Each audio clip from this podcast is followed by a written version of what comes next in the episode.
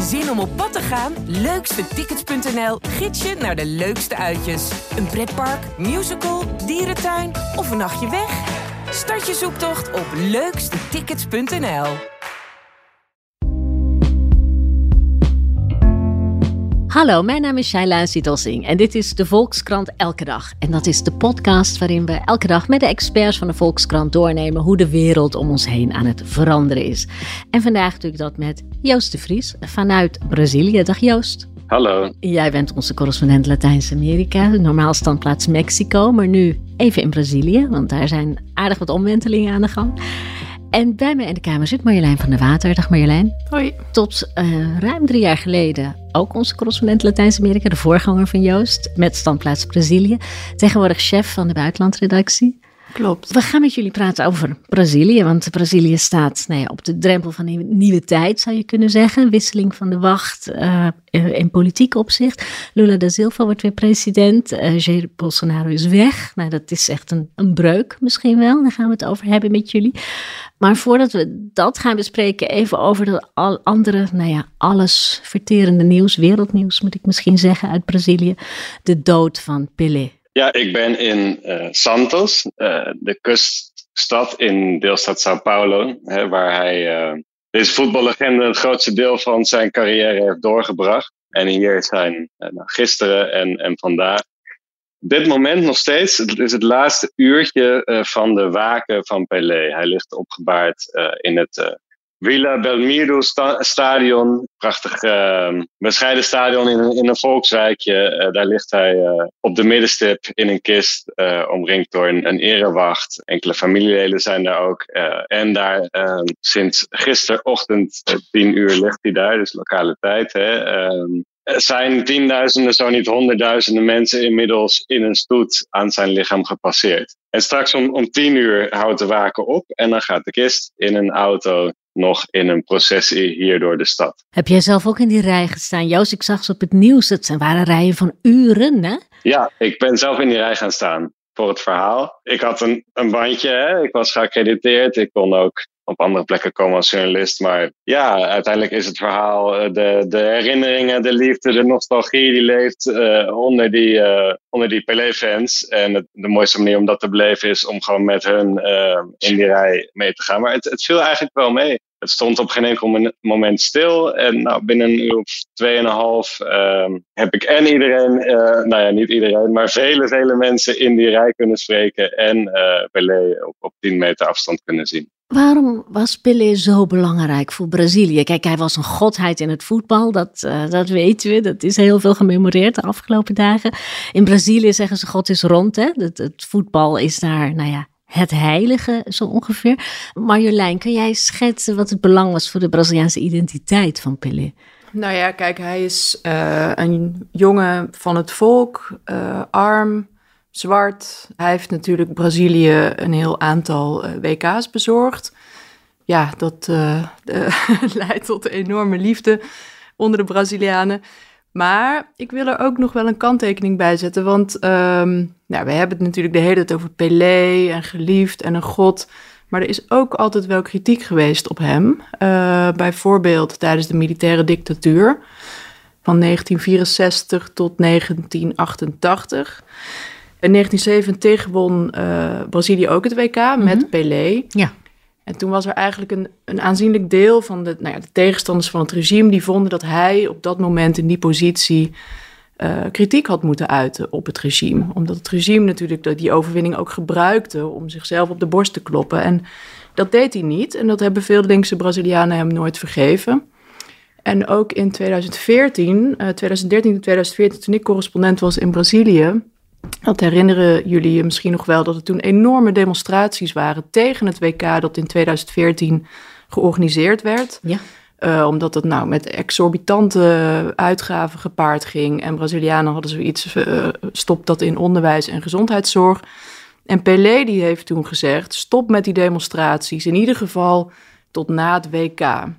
Nou ja, dat viel echt in ontzettend slechte aarde ook toen. Dus toen heeft hij heel veel kritiek over zich heen gekregen. Dus er zitten ook wel wat smetjes, zou je kunnen zeggen, op, uh, op zijn uh, status van uh, ultieme god. En hoor je dat nu ook bij zijn overlijden, Joost? Dat hij politieker had kunnen zijn of zijn, zijn macht en status had kunnen gebruiken om, om, om politiekere uitspraken te doen? De liefde verblindt, verblindt hier alles, hier in Santos. Nee, ik was dus twee dagen geleden, ehm, even een klein sprongetje, bij de inauguratie van, van Lula, waar alles politiek was. ook een grote uitbarsting van liefde, maar op een andere manier. En, en gisteren bij de waken van Pelé had niemand het over politiek. Ik moest mijn best doen om er een paar politieke vragen in te fietsen. Om, nou ja, om ze een beetje uit te lokken. Maar uh, nee, de, de, de liefde was zo groot. Pelé, hè, Pelé was een zachtaardig mens. Pelé vertegenwoordigde ons allemaal. Ik heb het eigenlijk ook niet ook amper teruggelezen in, in, in postuums. Hè? Uh, nee, de, ja, hier is een, een man heen gegaan die waar je heerlijk in superlatieven over kan, kan schrijven, over kan mijmeren. Uh, nou ja, en in deze roerige tijden is dat ontzettend fijn voor, voor de Brazilianen. En je zei het al, hè, de inauguratie van Lula, daar was je bij. Roerige tijden, uh, grote verdeeldheid in tegenstelling tot uh, de eenheid rond de dood van Pelé. Hoe groot is de polarisatie nu in Brazilië. Want Lula heeft eigenlijk net nipt gewonnen van Bolsonaro. Je kunt uh, spreken van twee Braziliërs misschien wel, of is dat overdreven, Joost? Nee, dat is niet overdreven. Uh, polarisatie is een woord dat we veel gebruiken, in Nederland ook. Maar eigenlijk hier in Brazilië kreeg dat voor mij betekenis in de vorm van, van, van mensen die uh, zo compleet tegenover elkaar staan families die uh, elkaar met de nek aankijken, familieleden, omdat ze gewoon een absoluut uh, andere waarheid hebben. Het is ook weer te absoluut om te zeggen, hè, het was uh, eh, 60 miljoen stemmen voor Lula, 58 miljoen stemmen voor Bolsonaro. Dat zijn soort van absolute kampen die, die een, een tegenovergesteld wereldbeeld hebben. Zo is het ook niet. Er zijn de extreme, uh, die zie je natuurlijk, hè, die zag ik bij, bij de inauguratie van Lula. Uh, daar heb je mensen die de man verafgoden. Voor de meeste Brazilianen die niet naar het feest kwamen, die misschien wel op hem hebben gestemd, is het ook een man met veel tekortkomingen, maar wel beter dan Bolsonaro. Dus dat is niet vanzelfsprekend uh, dat Lula nu de president van alle Brazilianen is. Uh, Marjolein, jij hebt Bolsonaro zien komen tijdens jouw correspondentschap. In hoeverre was dat een, een breuk of een schok? En in hoeverre is de komst van Lula nu weer een breuk met het tijdperk Bolsonaro? Wat gaat allemaal veranderen? Nou, dat was destijds zeker een schok. Kijk, de opvolger van Lula, Dilma Rousseff, die had inderdaad te maken met wat Joost uh, al zei, een enorme economische neergang.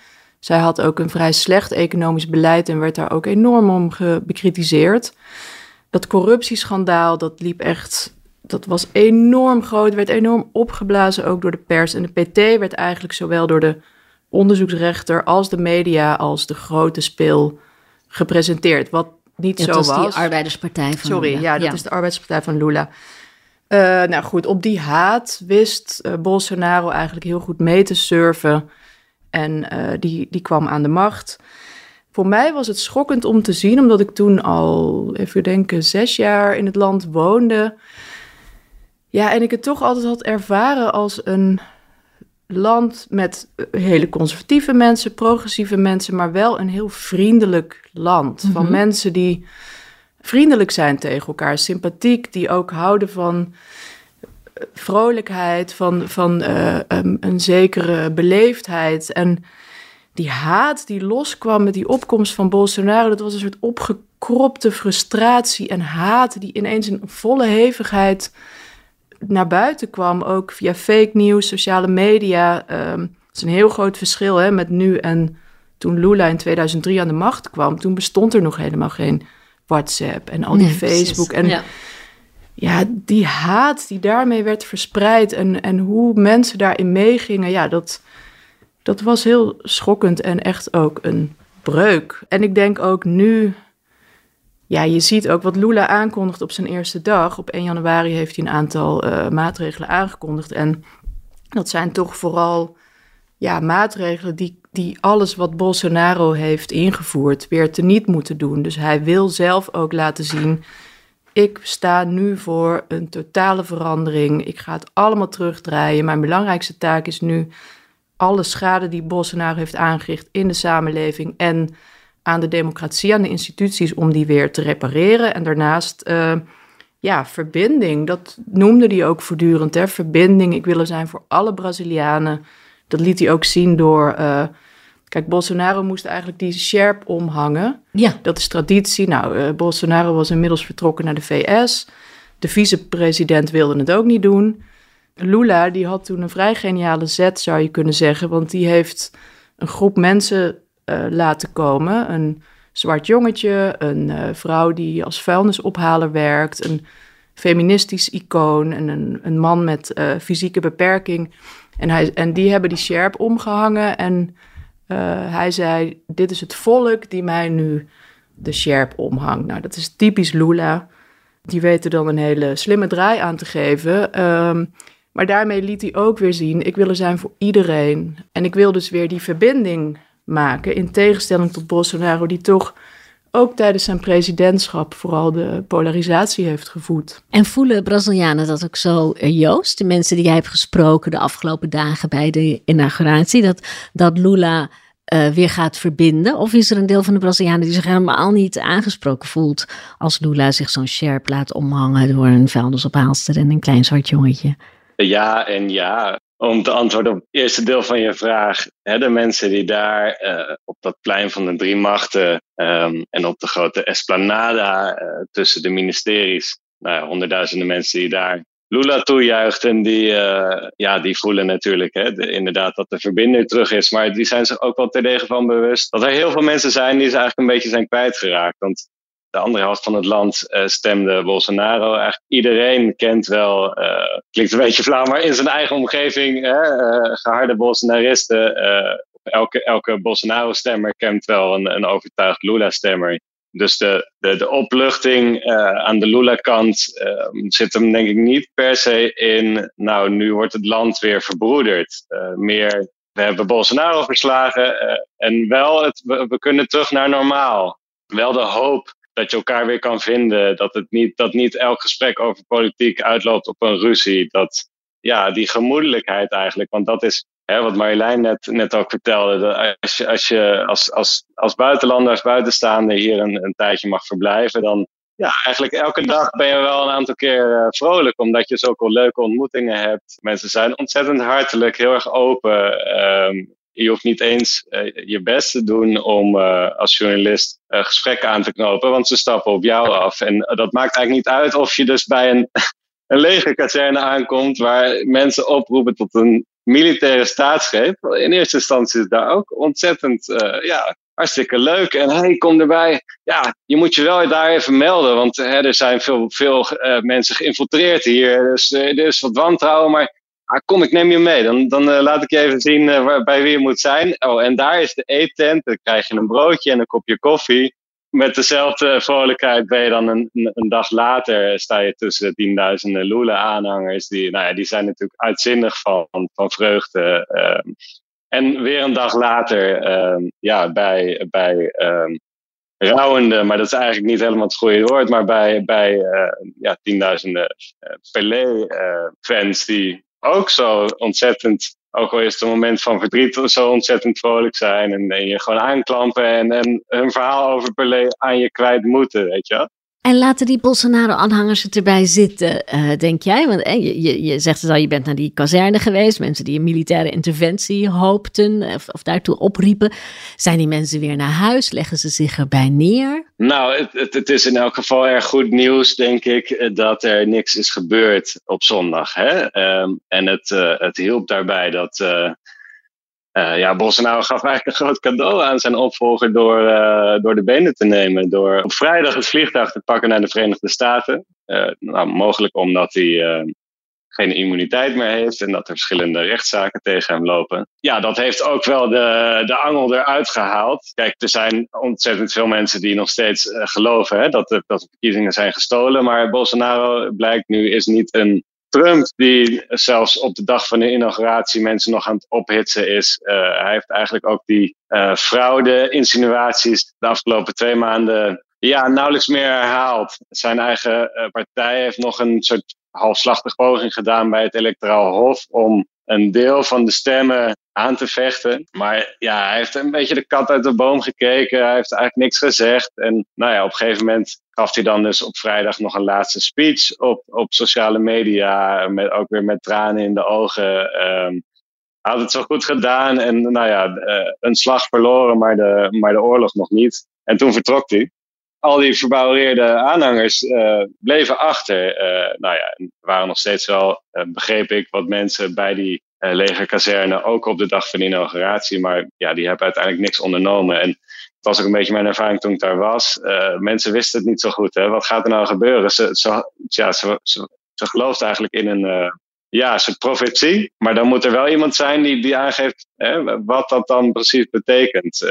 Kijk, je hebt natuurlijk onder de Bolsonaro-stemmers een deel super radicale fanatieke aanhangers. Maar een heel deel van de mensen die in ieder geval in de tweede ronde op Bolsonaro hebben gestemd, doen dat ook uit ja, afkeer van Lula. Ja. Of dan een soort te kiezen tussen twee kwaden. En ik denk dat binnen die groep ja, toch het grootste deel. Uh, iedere pogingen om uh, staatsgrepen of dat echt ook ontzettend afkeuren en ergens ook wel enige schaamte hebben gevoeld voor de manier waarop Bolsonaro af en toe tekeer ging en ja, toch weinig staatsmanschap heeft getoond, ook tijdens de COVID-crisis. Uh, een president die alleen maar op Facebook toespraken houdt, die alle buurlanden tegen zich in het harnas jaagt, die Trump als een soort, nou ja, messias beschouwt, maar geen enkele andere internationale ambities heeft uh, gehad. Dus ja, ik denk dat er ook onder de mensen die Bolsonaro hebben gestemd in die zin wel veel uh, verschillen zijn. Ja. Dus dat die groep waar Joost het over heeft, dat is echt een